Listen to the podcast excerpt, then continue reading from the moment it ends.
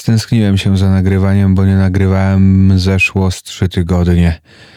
Jest to bardzo satysfakcjonujące uczucie móc sobie przemówić do Was do mikrofonu i stęskniłem się za Wami. Choć ostatnio nagrałem kilka od, odcinków z kamerą i chyba nie do końca dobrze się czuję w takim formule. Ten podcast miał być taką intymną sferą, w której możemy się spotkać i porozmawiać o tym, co w życiu banalne. A kamery powodują jakąś manierę, powodują coś bardziej spiętego i napiętego, a ten podcast nie miał być taki. Miał być wolną przestrzenią dla nas wszystkich, możliwością poczucia się tak, jak się czuje za zamkniętymi drzwiami, gdy nikt nie widzi. Bo to jest piękne, że ukrywamy rzeczy, właściwie to nie jest piękne, że ukrywamy rzeczy, które każdy z nas robi za zamkniętymi drzwiami, udając, że nigdy z nas tego nie robi, gdy każdy z nas to robi i zachowuje się w jakiś sposób, którego się wstydzi, a okazuje się, że duża część ludzi też tak robi. I potem piszecie do mnie, też tak mam. I to jest akurat piękne w tym wszystkim, że jednak nie jesteśmy samotni. W tym wszystkim, co spotyka nas w życiu, bo okazuje się, że każdy z nas ma podobne przeżycia. Kilka dni temu wyszedłem ze szpitala po zabiegu i mówiłem o tym, że zaniechałem swoje zdrowie i miałem zabieg na przepuklinę. Ale co było w tym takie najbardziej otwierające mój umysł i dające dużo mi do myślenia, bo nigdy wcześniej nie byłem w szpitalu, nie miałem żadnej operacji poza porodem, choć to nie była operacja, tylko znaczy operacja poród, operacja pojawienia mnie się na świecie. I przez 33 lata udawało mi się szczęśliwie ominąć taką instytucję i nie mieć nigdy większych problemów ze zdrowiem. Ale przyszło do mnie coś takiego, że to wszystko jest w pewien sposób kruche. Jednego dnia chodzę i jest wszystko super, nic mnie nie boli. A pewnego dnia trafiam na SOR i wszystko jakby się zatrzymuje. Po operacji, po wyjściu, jestem w gorszej kondycji fizycznej, no bo jednak mam gojącą się ranę na brzuchu nad pachwiną i nie za bardzo jestem w stanie tak sobie swobodnie chodzić. Pierwsze dni były dosyć męczące i to dało mi dużo do zrozumienia, że nie wszystko jest dane na zawsze chociażby zdrowie. Ono też kiedyś przeminie wraz z wiekiem albo z różnymi innymi sytuacjami, jak nie będzie się dbać o swoje zdrowie, a z wiekiem to też prawdopodobnie każdego z nas może czekać. Wyszedłem w środę i w czwartek postanowiłem, że przejdę się 600 metrów, no bo lekarz zalecił mi, żebym trochę chodził, ale oszczędzał się. 600 metrów, bardzo blisko. Google Maps pokazuje, że jest to 10 minut. Szedłem 28 minut w jedną stronę, zatrzymując się na każdej napotkanej ławce po drodze. Był to bardzo powolny chód. Zawsze byłem aktywny i nie potrafiłem długo wysiedzieć w domu od dziecka i właściwie do dzisiaj tak mam, że ciągnie mnie, żeby coś robić. Więc dla mnie to było Zdziwienie, na które zdziwiony byłem, ale też i przygotowany, że coś takiego się wydarzy, że będę 28 minut szedł do 600 metrów. Czyli pewnego dnia stała się sytuacja, jakbym miał 80 lat i poruszał się bardzo powoli o kulach. Po prostu czuję zmęczenie i musiałem usiadać. To było też w tym wszystkim fascynujące, jak bardzo uważny byłem podczas tego spaceru, jak nigdy wcześniej. Nigdy nie siedziałem na tych ławkach. I tak siadałem sobie na tych ławkach co 200 metrów, czy tam 150, akurat tam, gdzie mieszkam, jest ich dużo na tej trasie, i obserwowałem, co się dzieje na dzielnicy. I to było coś fascynującego, no bo jest to środek e, dnia w śródmieście Warszawy, także ludzi jest dużo. Każdy dokądś zmierza. Ja siedzę, ja się nigdzie nie śpieszę, ja nawet nie mogę się nigdzie śpieszyć. Mam wolne, odpoczywam. To jest czas dla mnie i inaczej nie mogę pokonać tej trasy, jak przysiadując i lekko odpoczywając. I na jednej z ławek usiadłem i nagle ktoś podchodzi i pyta: Przepraszam, czy tędy dojdę tu i tu? Tak, dojdzie pani, odpowiadam. Za chwilę ktoś pyta, czy tędy dojdę do Jana Pawła, Alei Jana Pawła? Tak, prosto wystarczy iść. I poczułem się jak jakiś stróż pilnujący dzielnicę. Ten, który wie wszystko, siedzi na ławce. Nikt o tej godzinie nie siaduje na takiej ławce na skrzyżowaniu względnie ruchliwej ulicy. I tylko siedziałem, obserwowałem, nie patrząc w telefon. Ale było coś w tym przyjemnego. Cała uważność sytuacji tego, że czas się może zatrzymać. Normalnie pokonałbym tę drogę pewnie w mniej niż 10 minut szybkim chodem, bo zawsze szybko chodzę. Każdy, kto ze mną chodzi, często mówi: Dlaczego ty tak szybko idziesz? Nie wiem, lubię może szybko chodzić, ale też z szybkim chodzeniem zauważyłem jedną rzecz. To fajnie zagłusza myśli, bo jest się zaabsorbowa- zaabsorbowanym przemieszczaniem się z punktu A do punktu B, ale w szybszy sposób, więc nie ma czasu na uważność, na przyjrzenie się i łatwiej jest zagłuszyć swoje emocje i myśli. Czasami jest to fajne, bo żeby nie myśleć aż tak o jakichś rzeczach. Ale zauważyłem, że bardzo szybko chodzę w momentach, w których jestem zestresowany, zaniepokojony, zlękniony czymś, coś mi chodzi po głowie, coś, co mnie niepokoi. Podobnie jest z szybką jazdą samochodem. Co prawda nie lubię jeździć szybko samochodem, więc mnie to nie dotyczy. Ale może ty masz taką sytuację, że jeździsz szybko samochodem, nawet gdy to nic nie daje. Z szybką jazdą jest podobnie, zagłuszają się emocje, jest adrenalina, czujesz, że żyjesz i czujesz, że nie masz czasu na zatrzymanie swoich myśli, bo musisz być na czymś innym skupiony, skupiona na otaczającym cię świecie, ale w sposób taki, żeby nie wydarzyło się nic złego. To nie jest uważność na tym, co cię otacza, tylko uważność na czynności, czyli odchodzisz od emocji, na przykład złości, stresu, gniewu, jakiejś agresji, niepogodzonych w sobie rzeczy. I obserwuję czasami tak pędzących kierowców, którzy zmieniają pas z lewego na prawy, i po chwili spotykamy się na światłach, mimo że ja jechałem znacznie, znacznie wolniej. A oni przyklejeni w tym momencie szybko do telefonu, tak jakby gdzieś się im śpieszyło. Tylko z tego pośpiechu nic nie wynika, bo bardzo często spotykamy się na tych samych światłach. A to taka dygresja a propos takiego szybkiego chodzenia, bo bardzo mi się to spodobało i pewnie znając życie nie będę tego jakoś nad wyraz kultywował, ale dało mi to do zrozumienia, że mogę iść znacznie, znacznie wolniej i być znacznie bardziej uważnym. Nagle okazało się, że kilka osób, nazwę to, dostrzegło mnie, a ja mogłem im pomóc. To nie jest nic wielkiego.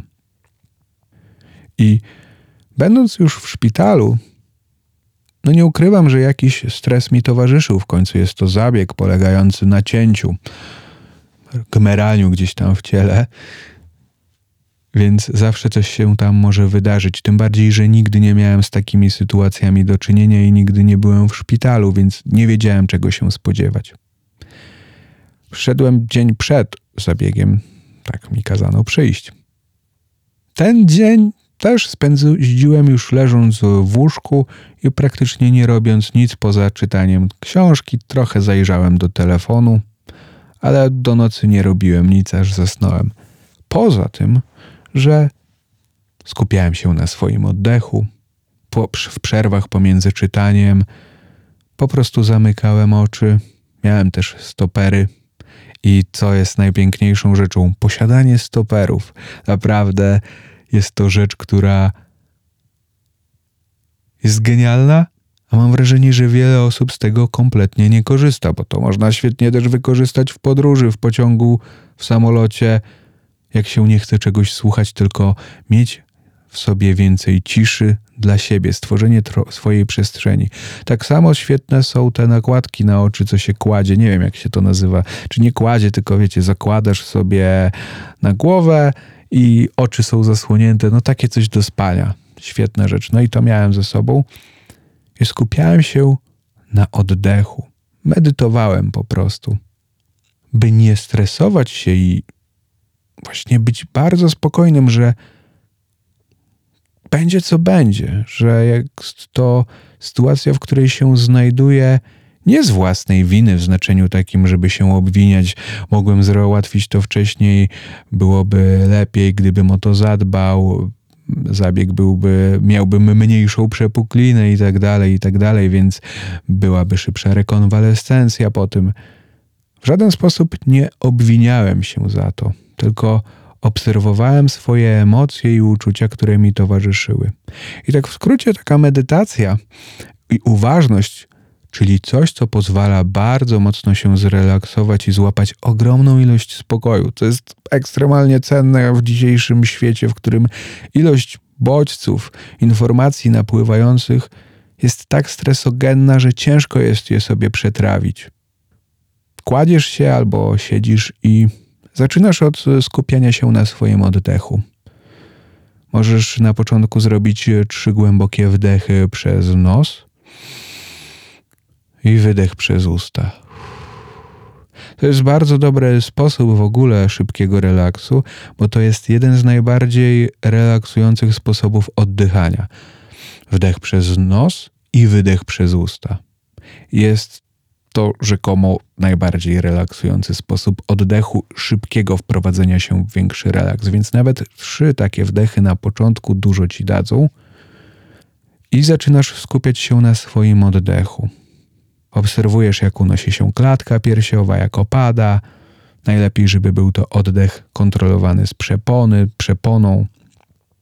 I to jest też trudne, bo za, jak pewnie zaraz spróbujesz, jak spróbujesz, wyłącz w ogóle i spróbuj coś takiego, albo po, po tym podcaście sobie spróbuj to, bo nie wiem, może gdzieś jesteś w pociągu i w pociągu to też można w sumie robić, wszędzie to można robić, co ja wygaduję, w pociągu też robiłem i przecież.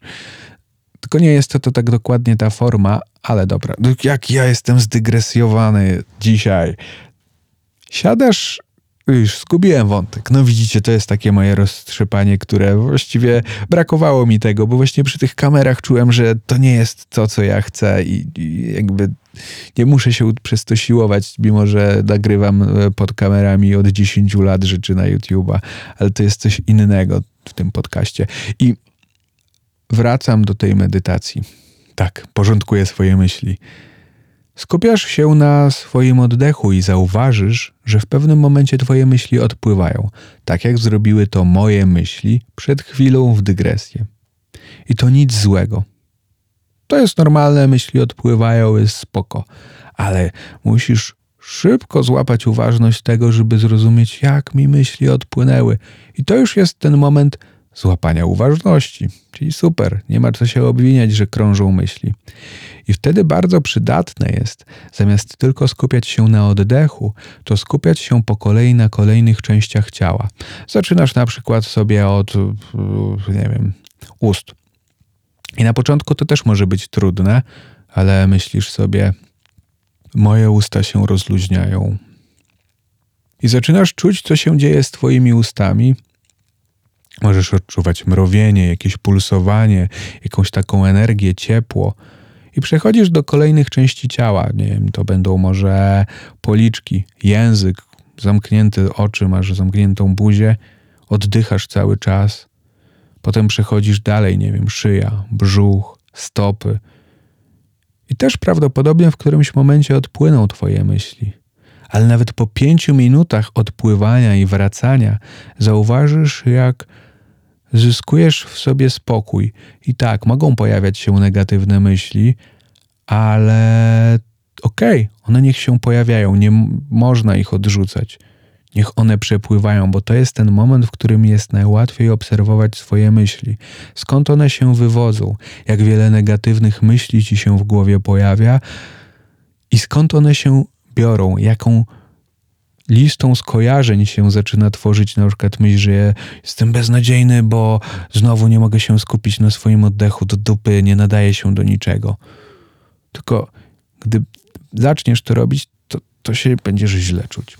I właśnie To jest rzecz, którą polecam ci spróbować 5 minut może być na początku wystarczające, bo na początku jest trudne, że tak umysł ucieka, jakby ktoś tam zaprogramował jakieś radiostacje nam w umyśle i odbierał jakieś dziwne kanały, bo jak, jak medytuję, to zauważam, że czasami pojawiają mi się tak jakbym w ogóle jakieś abstrakcyjne myśli, ale nie abstrakcyjne, kreatywne w znaczeniu, że mm, pomysł na obraz czy na piosenkę, tylko Jakiś prowadzę monolog na bezsensowną rzecz i jeszcze gadam w nim bzdury w tym monologu, czy tam rozmawiam z kimś w umyśle, tak jakby, z wyimaginowaną jakąś postacią, nawet nie, że znajomym, z byłą, nie wiem, ze, czy z kimkolwiek, z mamą, z tatą, tylko jest to jakaś wyimaginowana postać, w której na przykład ta dyskusja może polegać. A wiesz, że miód kosztuje 4,50?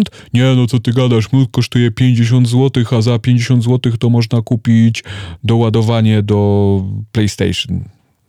Czyli coś właśnie kompletnie takiego bezsensownego. I taka dyskusja.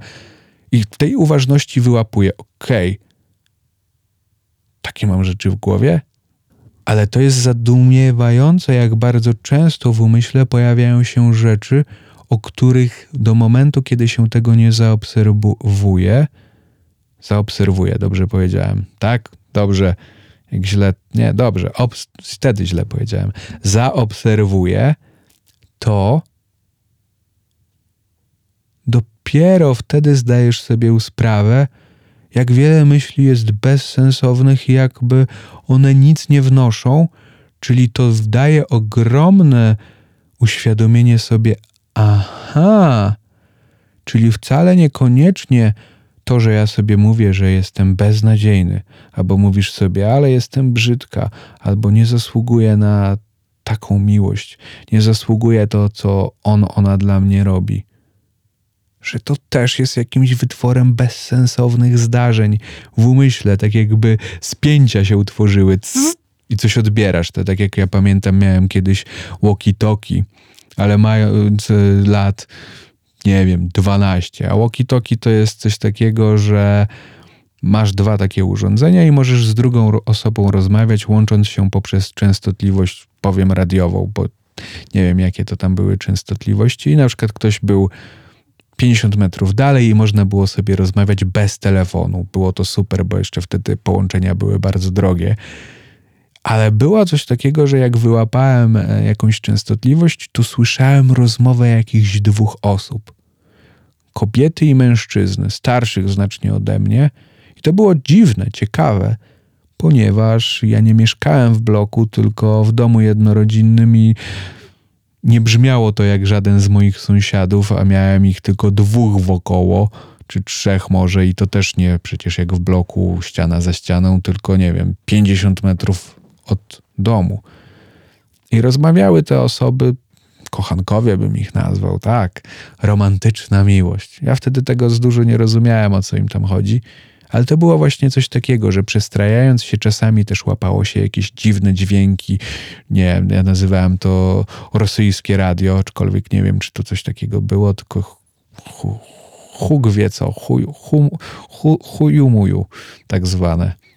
I to jest właśnie coś takiego w umyśle, że nie wiesz, co się odbiera, jak coś nastroisz, tylko i się przestrasz. O, ja tych rosyjskich jakichś dźwięków czasami, ja to tak nazywam, takich szmerów dla mnie to brzmiało, jakbym odbierał jakieś straszliwego coś z Rosji.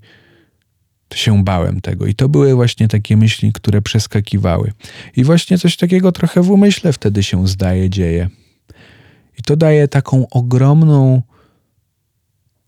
chciałem powiedzieć radość, ale to nie radość, tylko ulgę z tego, że okej, okay, nie muszę ufać swoim wszystkim myślom, które mi się pojawiają, bo zaobserwowałem ogrom totalnie bezsensownych myśli i nawet nie związanych ze mną, tylko jakichś dyskusji, w których ja jakieś prawdy wygłaszam, które nie są prawdami. Właśnie na przykład będę, że dyskusja się toczy na tym, że nie wiem, pomidor kosztuje 100 zł.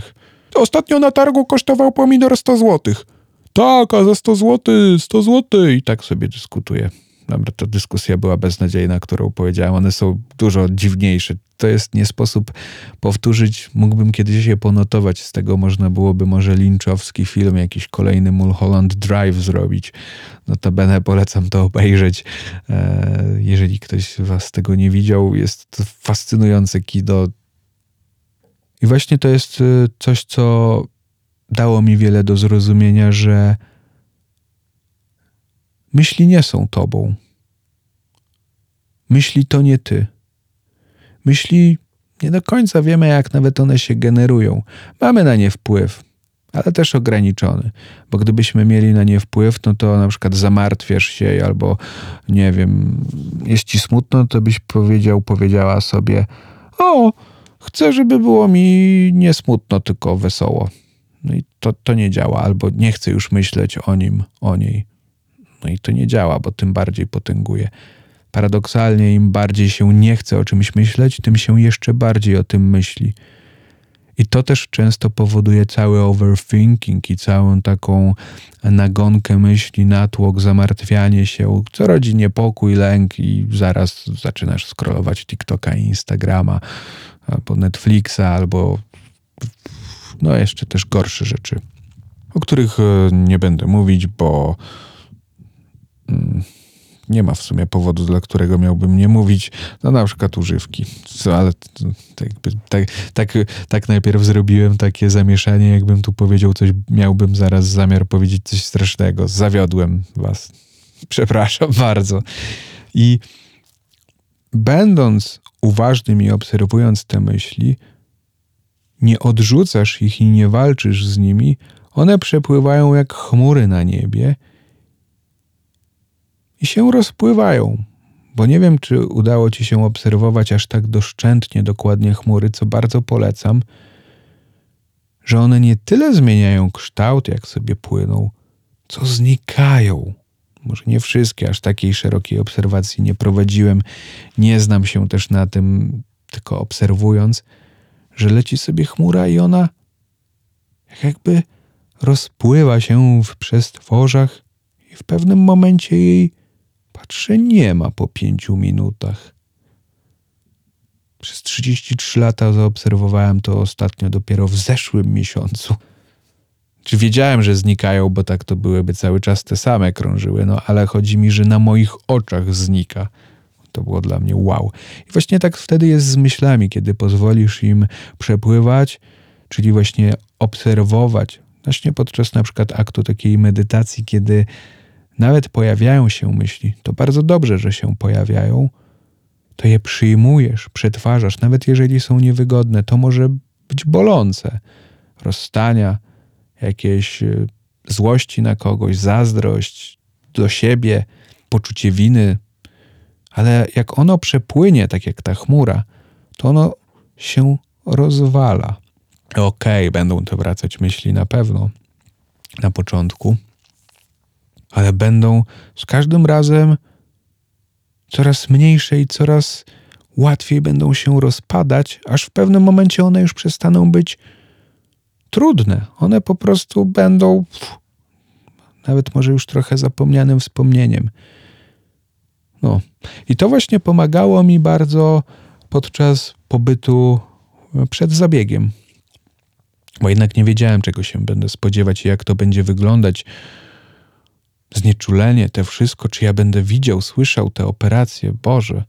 Ale przez to wszystko tak naprawdę w ogóle się nie zamartwiałem, bo nawet jak się przez chwilę pojawiała mi myśl, to ona zaraz się rozpływała. I byłem naprawdę bardzo spokojny już przed samym jechaniem na salę.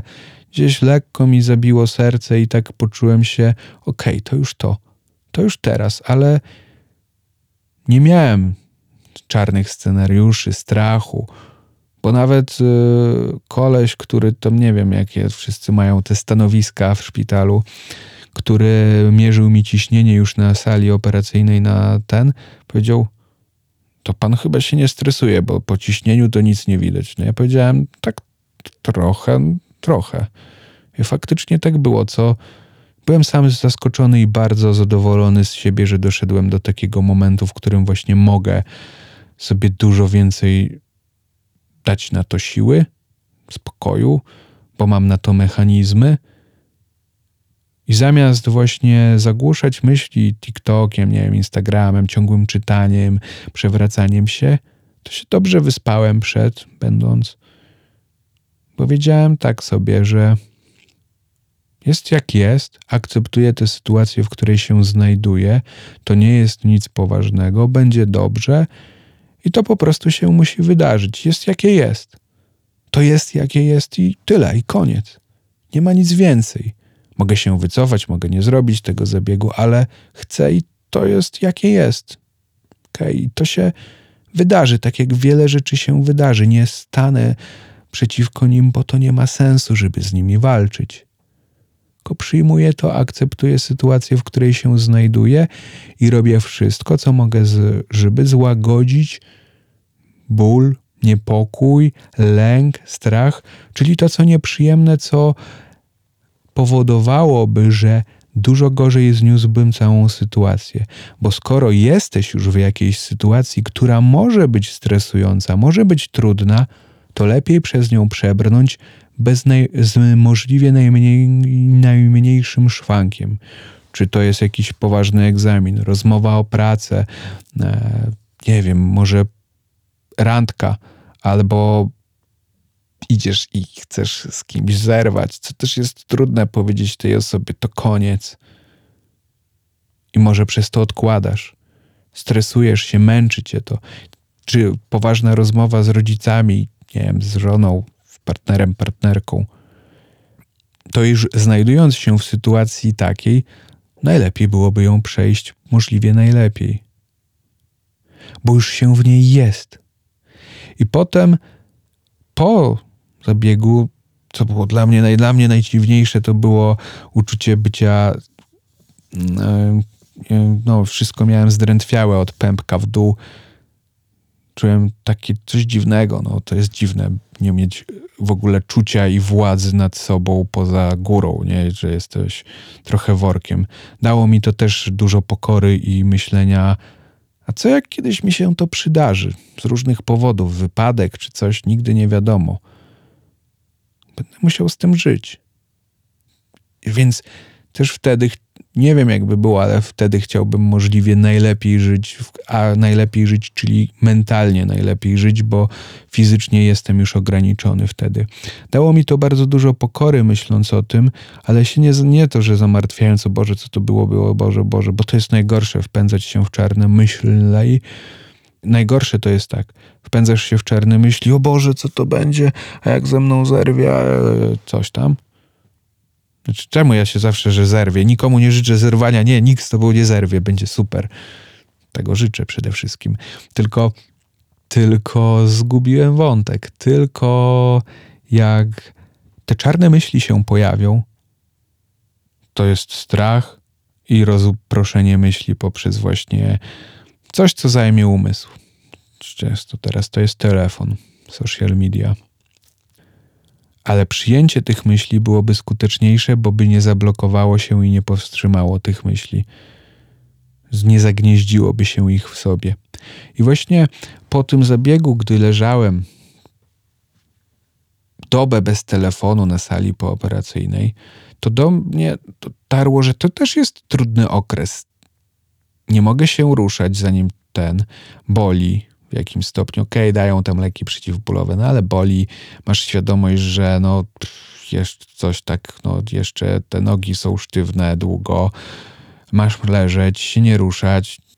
Ta uważność wtedy przyjmuje tę sytuację, w której jestem. Nie miałem tam telefonu, nie miałem książki, nie miałem nic, tylko ja i tam pielęgniarki, nie wiem, parę osób na sali że ja tu jestem i przyjmuję tę sytuację, w której jestem, i teraz mogę zacząć mm, dręczyć się myślami, mogę męczyć się, Boże, dlaczego mnie to spotkało, dlaczego ja, dlaczego ja muszę tu leżeć, dlaczego mi ta przepuklina, dlaczego, dlaczego ja tak długo z tym zwlekałem, mogłem to wcześniej załatwić, może nie trzeba byłoby zabiegu, coś tam, coś tam, coś tam, albo jakby trzeba było, to byłby prostszy, mniej, mniej szwów, cokolwiek, nie? I bym męczył się wtedy jeszcze bardziej, byłbym wpędzony w jakieś lęki, niepokoje. Ten czas by się dłużył, bo bym chciał stamtąd wyjść. Chciałbym tak jakby opuścić siebie, a nie miałbym dokąd uciec, zarówno fizycznie, jak i e, duchowo, metafizycznie bo nie miałbym właśnie czym rozproszyć myśli telefonem, telewizorem, używkami, rozmową z ludźmi, książką, czym wszystkim, co pozwala uciec, czyli nawet ruszać się, pobiec, gdzieś pójść, zrobić coś. Nic. Leżysz, patrzysz się w sufit i czekasz, co ci się dzieje. Że tutaj przyjdzie pani pielęgniarka, tu zmierzą temperaturę, tu wszyscy spytają, czy ok, tu dadzą przeciwbólowe zaakceptowanie pełni sytuacji, w której jestem. Co ja mogę teraz zrobić? Akceptuję sytuację, w której jestem, przyjmuję ją, odpuszczam to wszystko, żeby okej, jest jak jest, no muszę tu leżeć, muszę przeczekać, będzie dobrze, bo to tylko wymaga czasu, czas leczy go i rany i tak dalej, wyświechtane powiedzenia, tak jak wyświechtane rzeczy, ja tu mówię balały w tym swoim banale ale to pozwala lepiej przebrnąć, czyli właśnie możliwie najlepiej przebrnąć przez sytuację, która jest w danym momencie dosyć trudna i fajnie by było być gdzie indziej. Wolałbym być w domu, w studiu robić muzykę, albo nagrywać podcast, albo po prostu siedzieć sobie w kawiarni i pić smaczną kawę. Pewnie, tylko nie mogę tego zrobić. A co mogę tylko zrobić w tej sytuacji? Co ty możesz na przykład w takiej sytuacji zrobić często? właśnie złapać uważność, uspokoić się, koncentrować na oddechu, żeby możliwie najlepiej przebrnąć przez tę sytuację. I tylko to mogłem robić. Też nie byłem w stanie spać, jakiś byłem trochę oszołomiony, coś tam. Pospałem może pół godziny przez noc, ale chciałem to przetrwać. Nawet nie przetrwać, tylko możliwie najlepiej spędzić ten czas, a nie mogłem wiele. I właśnie bardzo pomogło mi skupianie się na oddechu, na emocjach, obserwowanie ich i nieocenianie. I dużo łagodniej mi to przeszło wszystko, mimo że do momentu, w którym kolejnego dnia mogłem już wstać na nogi na chwilę, to naprawdę plecy mnie bolały od takiego leżenia.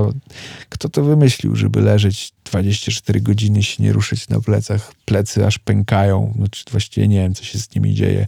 Są jak jakby ktoś tak deską przyładował. I gdyby nie ta uważność, to dużo trudniej by było.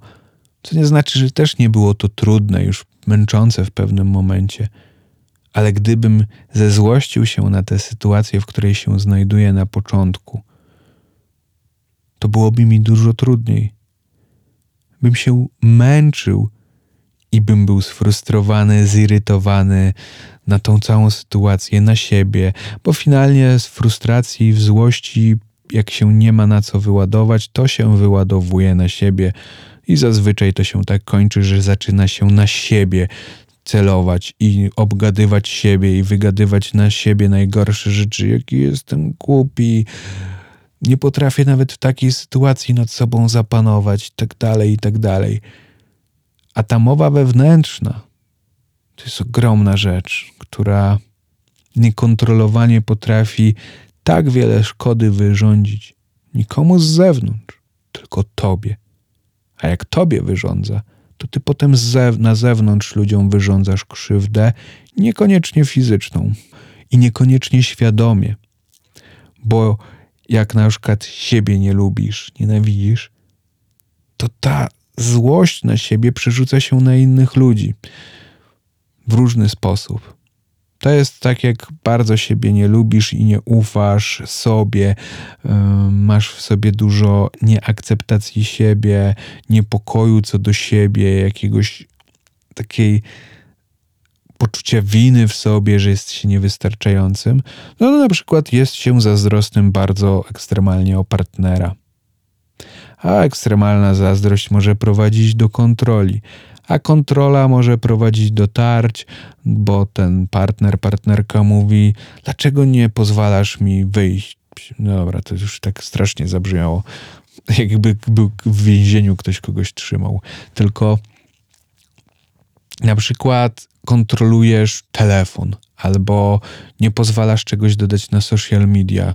Nie wstawiaj takiego zdjęcia. Jak ty się ubrałaś? Może ubrałeś, też się zdarza pewnie, że wymiana szafy. Słyszałem, że niektóre kobiety, dziewczyny, y, jak zaczynają mieszkać ze swoim chłopakiem albo partnerem, to próbują mu zmienić szafę na przykład w znaczeniu ubrania, żeby się inaczej ubierał, co jest absurdalne moim zdaniem, bo skoro z kimś się wiąże i mi się nie podoba to, w jaki sposób on się ubiera i potem chce to zmienić, to nie lepiej było zacząć się spotykać z taką osobą, która się ubiera, jak ci się wydaje, że jest fajnie. To wszystko pozwala lepiej przebrnąć przez takie sytuacje, bo często to, jak reagujesz na sytuację, i zazwyczaj ma ogromny wpływ na to, co się będzie działo. Czyli właśnie nawet idziesz na rozmowę kwalifikacyjną, jedziesz, stresujesz się, czekasz tam, nie wiem, stresujesz się, stresujesz się podczas tej sytuacji rozmowy. A co by było, gdyby udało ci się zmniejszyć to? Bo i tak jesteś w tej sytuacji. A to, jak nie zmniejszysz, to może powodować, że będziesz unikać takich sytuacji, będzie się tworzyć jakiś lęk, co będzie rzutować na to, że będziesz unikając, że unikając tych sytuacji, nie zrealizujesz swojego potencjału, nie rozwiniesz się tak jak chcesz, nie dostaniesz tej pracy, którą chcesz.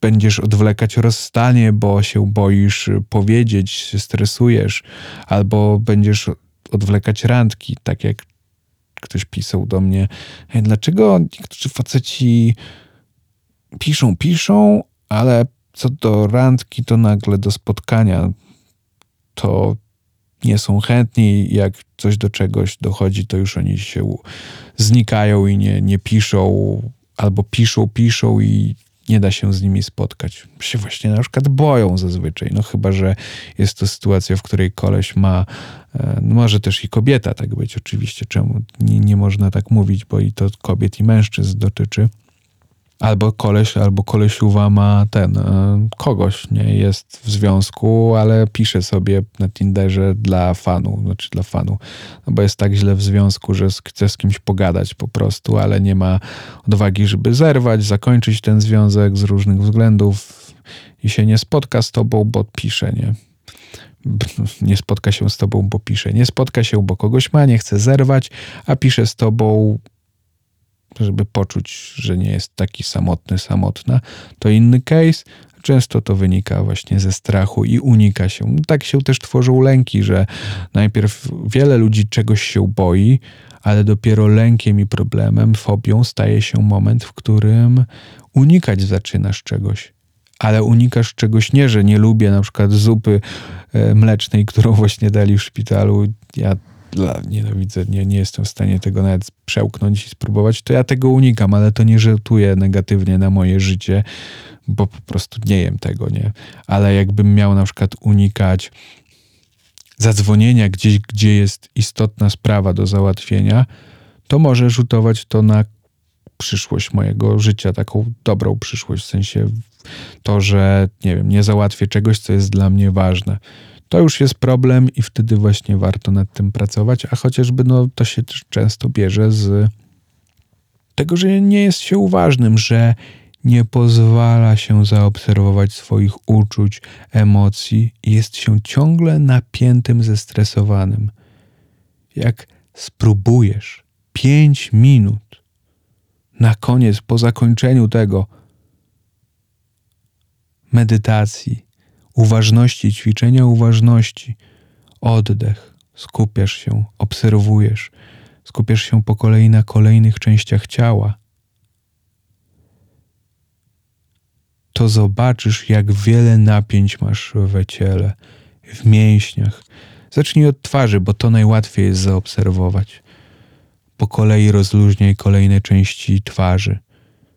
Szczęka, usta, nawet oczy, nawet zobaczysz, że język Jak wiele jest tam napięcia, jak jeszcze już myślisz, o, już rozluźniłem, rozluźniłam. Nie, jeszcze się okazuje, że jeszcze te mięśnie są napięte. I zauważysz, że jest w tobie dużo mocy, jest dużo w tobie pokładów nieodkrytej energii, którą gdzieś tłumisz, która jest zablokowana i masz ją w sobie. I to będą narzędzia, które pozwolą ci lepiej radzić sobie z codziennością, z trudami tego wszystkiego, bo no właśnie, to wszystko się pojawia. Jeden problem się kończy, pojawia się drugi. Takie jest życie, że wydaje się, jak już osiągnę to, to będzie wszystko super, się ułoży. Wchodzisz na ten szczyt, a tam kolejny pagórek. Im lepiej umiesz sobie radzić z tymi pagórkami.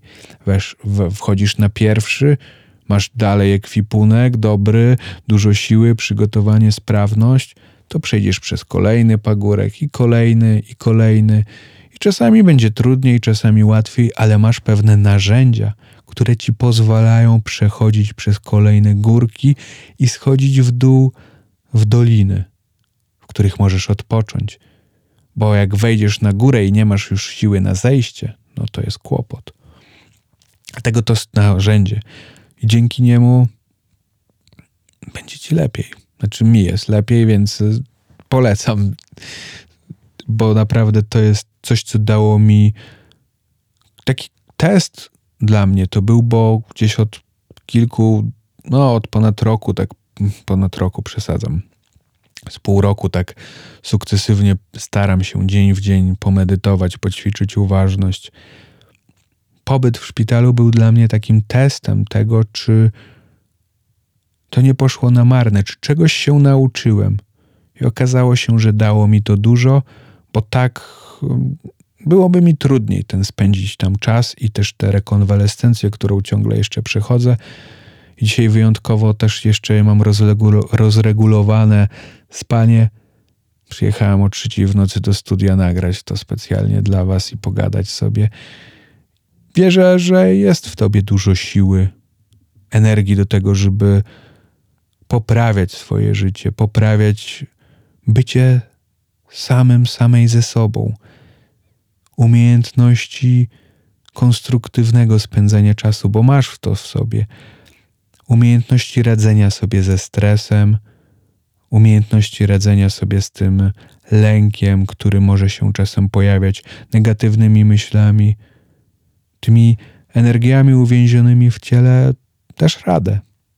Też radę i to jest w tobie, tylko trzeba być uważnym i cierpliwym ale masz to w sobie i trzymaj się. I do usłyszenia w kolejnym odcinku we wtorek.